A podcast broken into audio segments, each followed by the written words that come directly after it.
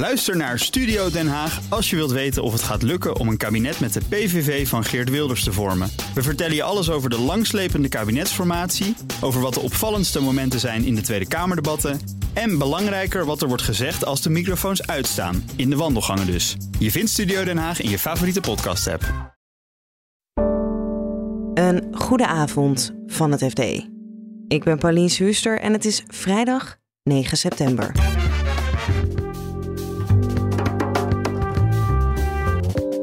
Er woedt een interne strijd in het oudste en het grootste advocatenkantoor van Nederland. Je hoort heel weinig over de interne gang van zaken. Uh, als er al ruzies zijn, dan, uh, dan blijft die binnenskamers. Er is een uitstroom van partners. Ja, volgens onze optelsom zijn er op dit moment 50 uh, partners bij de brouw.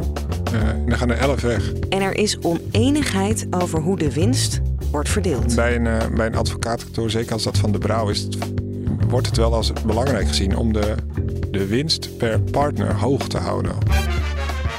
Dit is de dagkoers van het FD.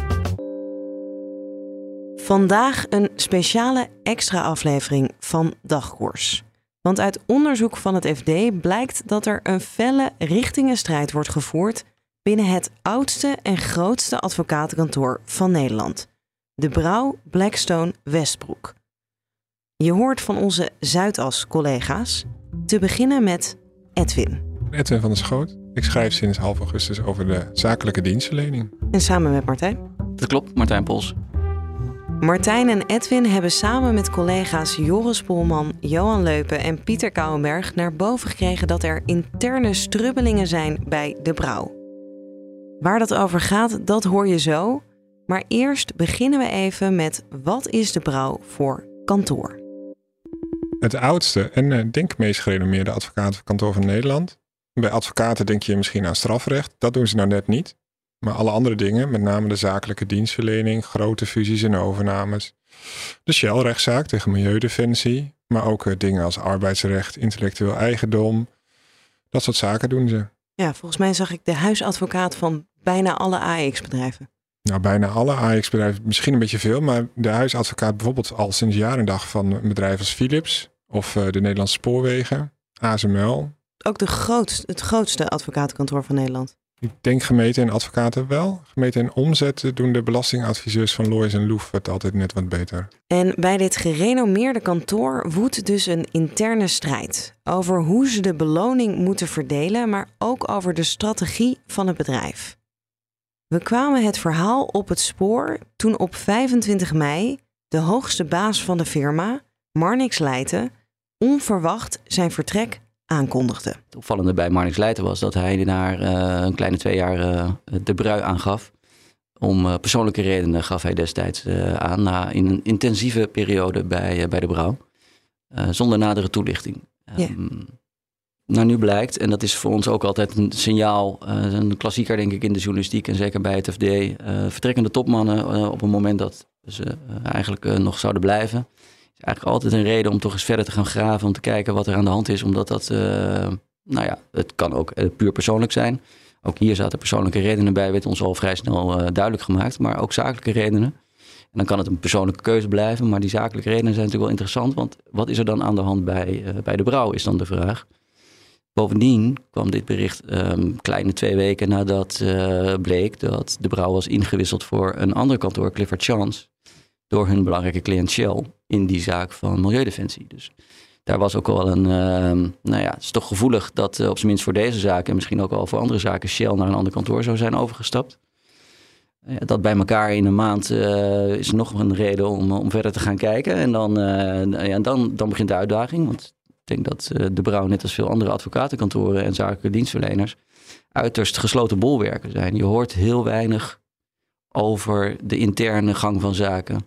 Uh, als er al ruzies zijn, dan, uh, dan blijft die binnenskamers. niet zo belangrijk namelijk als de ja, on, on, ongekreukte reputatie van jou als dienstverlener. Want dat is de reden waarom anderen jou in willen huren. Des te opmerkelijker was nu dat we weliswaar met de nodige moeite en met de nodige menskracht maar er toch uh, wel de vinger op hebben kunnen leggen op een aantal zaken die heel nadrukkelijk uh, een rol hebben gespeeld uh, bij de brouw de afgelopen twee jaar. En een van die zaken blijkt een uittocht van partners bij het kantoor. Ja, volgens onze optelsom zijn er op dit moment 50 uh, partners bij de brouw. Uh, en er gaan er 11 weg. Of er zijn er 11 aan het weggaan, laten we het zo noemen. De eerste, volgens mij, die we hebben kunnen plaatsen, zit in april, uh, jongsleden. En er zijn er een aantal die nu hun klanten een bericht hebben gestuurd. ik ben 55, mooie leeftijd om met pensioen te gaan. Die mensen zijn, hebben we ons laten uitleggen door oud-managing partners, ook van andere kantoren. Die zijn vaak niet um, helemaal zelf op het idee gekomen om eens wat anders te gaan doen. Daar gaat vaak een, een beetje indringend gesprek aan vooraf.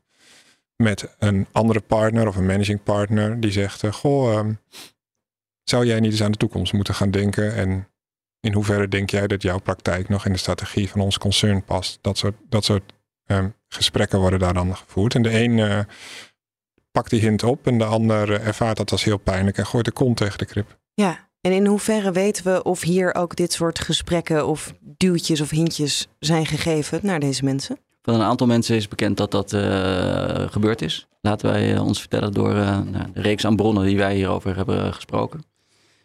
Wordt ook niet zo danig ontkend door, door de brouw. Um, maar daar wordt wel ehm, daar wordt wel, eh, dat wordt als heel gevoelig ervaren. Ze praten liever niet over uh, waarom mensen weggaan bij hen. Uh, benadrukken ook dat er nieuwe partners bij komen.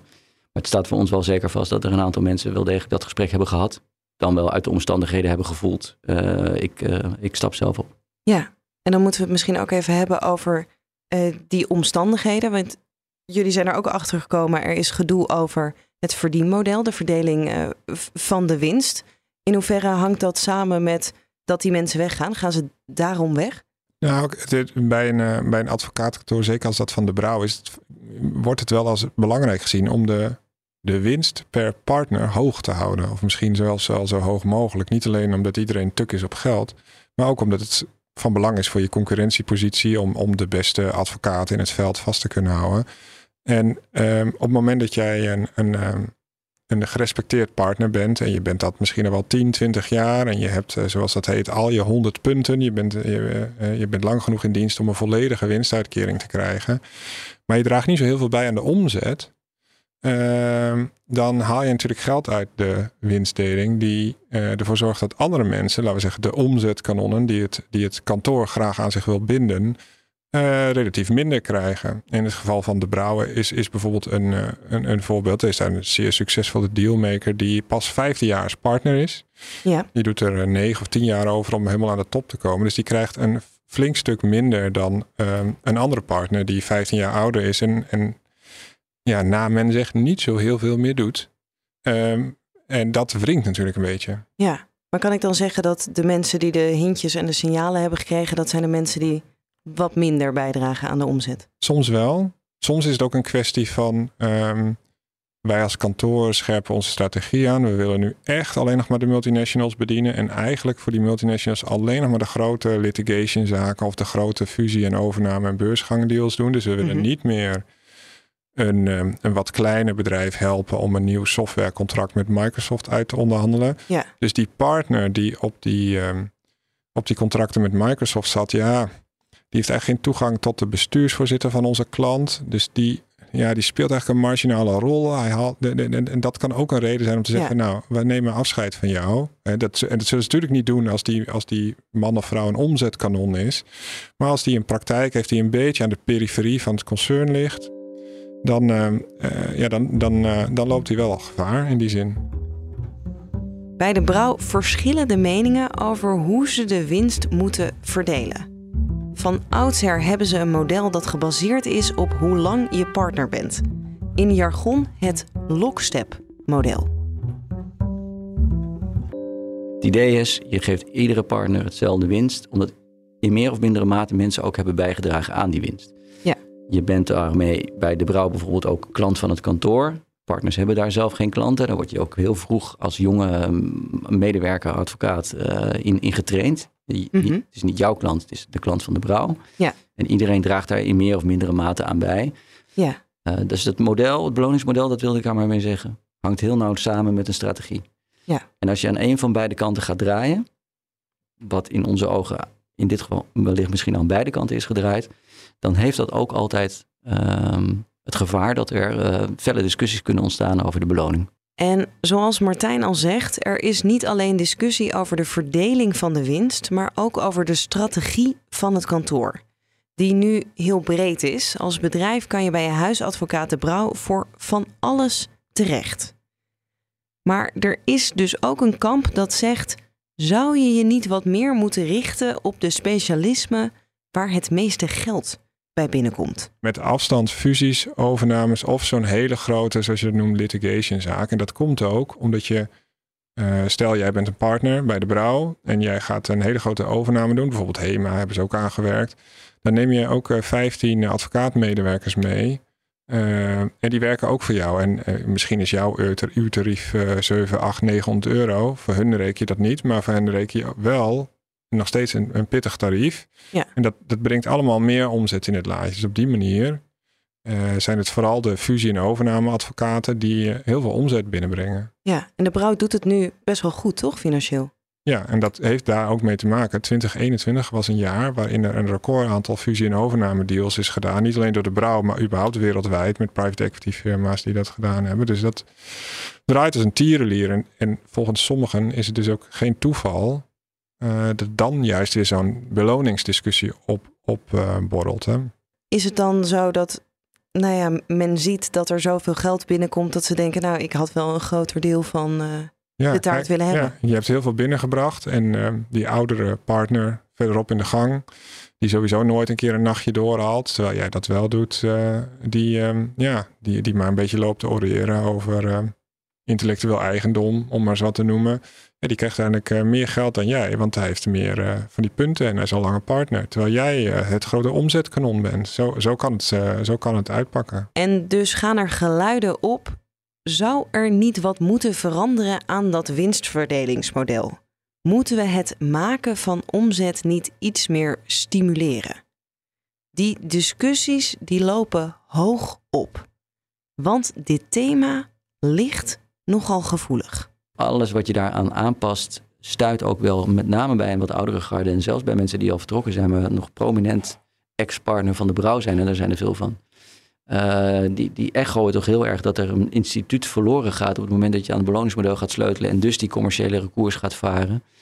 Terwijl dat wel iets is wat nu blijkt uh, gebeurd te zijn binnen de, binnen de brouw. Maar waar zijn die oudgedienden dan concreet bang voor? Waar zijn ze bang? Wat zou er dan gebeuren als je dat doet? Het zegt ook iets over, of het gaat ook iets veranderen aan, de, aan je interne cultuur en de wijze waarop je nu samenwerkt. Nu kan je naar je partner toe en zeggen: We zijn allemaal dezelfde. Dus jij, ik heb nu een opdracht voor jou en ik, ik heb een deadline jij moet dat nu voor mij doen op al die vlakken die er zijn. Dus bij een grote transactie moeten nieuwe contracten met de medewerkers worden gesloten. En dan ga je naar je arbeidsrecht uh, collega. En die weet, ik doe dit voor de hele zaak. En niet alleen voor collega X of collega Y.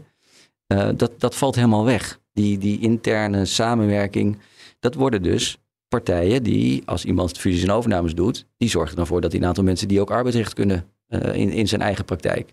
Maar dan ben je een rechtstreekse collega onder dezelfde vlag die arbeidsrecht doet. Ja, die moet dan maar zijn eigen broek ophouden. Wat mogelijk helemaal niet, niet kan of, of, of, of hele andere klanten oplevert. Dus het heeft hele diepe consequenties op het moment dat je gaat sleutelen aan, aan dit soort essentiële punten. Um, en, en dat maakt het zo fascinerend dat die discussie bij de brouw, en dat is dus wat wij hebben gehoord en naar boven hebben gebracht, na, na, na, na, gesprekken met, met, met meer dan twintig mensen die daar echt nauw bij betrokken zijn en ons kunnen vertellen wat er gebeurd is. Uh, daarom is die discussie ook zo turbulent geweest, zoals iemand dat zo mooi heeft genoemd. Als je het helemaal plat slaat, is het natuurlijk uh, het oude klassieke model. Dat, uh, er zit een soort waarborg in voor meer lange termijn planning. En op het moment dat je zegt, eat what you kill, jouw omzet is jouw omzet, dan zit er natuurlijk een prikkel in om heel erg voor de korte termijn te gaan. Want misschien willen wij wel, uh, als wij partner zijn bij een advocatenfirma, zo snel mogelijk zoveel mogelijk geld verdienen, zodat we zo jong mogelijk onder een palmboom kunnen gaan liggen. En dan de belangen van dat collectief uh, zijn daar dan ondergeschikt aan. En dat model om winst te verdelen, de lockstep zoals ze dat noemen, is niet gesneuveld. Maar doordat die elf partners zijn vertrokken, blijft er voor sommige mensen wel meer winst over. Als je elf volpartners, dus veel verdieners uh, met de hoogste aantal winstpunten, uh, als je daar afscheid van neemt uh, en je benoemt nieuwe mensen, misschien wel hetzelfde aantal, misschien nog wel meer, die helemaal aan, onderaan de ladder beginnen, dan is het alleen al mathematisch zo dat er meer winst overblijft. Uh, omdat er minder winstpunten in, de, in het bedrijf zitten, minder mensen uh, de volle winst. Maar uh, dus even heel snel ja, gerekend. De overgebleven, wat meer ervaren partners, die krijgen meer. Ja. Ja. ja. ja. en dat kan tot, tot enkele tonnen, even snel op een bierveeltje uitgerekend, schelen. waarmee je dus nu, want dat is wat de Brouw ons ook namelijk zegt. Na een turbulente discussie is er gewoon weer gekozen door de partnergroep voor het lockstep-model. Het lockstep-model blijft is ook maar weer de vraag hoe lang dat dan blijft, omdat je altijd weer een discussie kan beginnen. Maar voor nu, het blijft. Uh, dat valt samen met het vertrek van een aantal heel veel verdienende partners. Onder de streep is er sowieso wel weer meer uh, geld over straks voor, uh, voor 100 punten partners, omdat er gewoon simpelweg minder 100 punten partners zijn. En kunnen we nou zeggen dat er een strijd was binnen de brouw, of is er nog steeds een strijd? Nou, als het aan de brouw ligt, dan was er een strijd in 2021. En dan is, uh, en dan is nu alles afgerond. Afgelopen woensdag uh, zijn ze geloof ik nog bijeen geweest in de Bali. Toen is daar nogmaals onderstreept, dit is het model wat we hebben. Dit is het model wat we houden. Maar iedereen ziet dat er een hele grote lege stoel staat. Uh, en dat is de stoel van de managing partner. Hè? Dus de, een van die 50, of straks zijn het er 39, 40. En je moet daarin gaan zitten. Ja, en wat voor agenda neemt hij of zij dan weer mee? En, en vooral, uh, stel nou, wij zijn uh, een paar van de partners uit een van de bloedgroepen of een van de generaties. Ja. Misschien gaan wij dan bij elkaar zitten en zeggen: zullen we een van ons naar voren schuiven met onze agenda? Dat is dus de dynamiek die nu nog gaande is. Dus als het aan de brouw ligt, dan is de deksel op de pan of op de pot. Ik weet niet hoe je dat zegt. Maar uh, je ziet gewoon nu duidelijk aankomen dat het het, is heel cruciaal of ze iemand vinden en zo ja, wie ze vinden, met welke agenda om de komende vier jaar de managing partner te gaan zijn. Dus dat gaan wij met buitengewoon interesse volgen.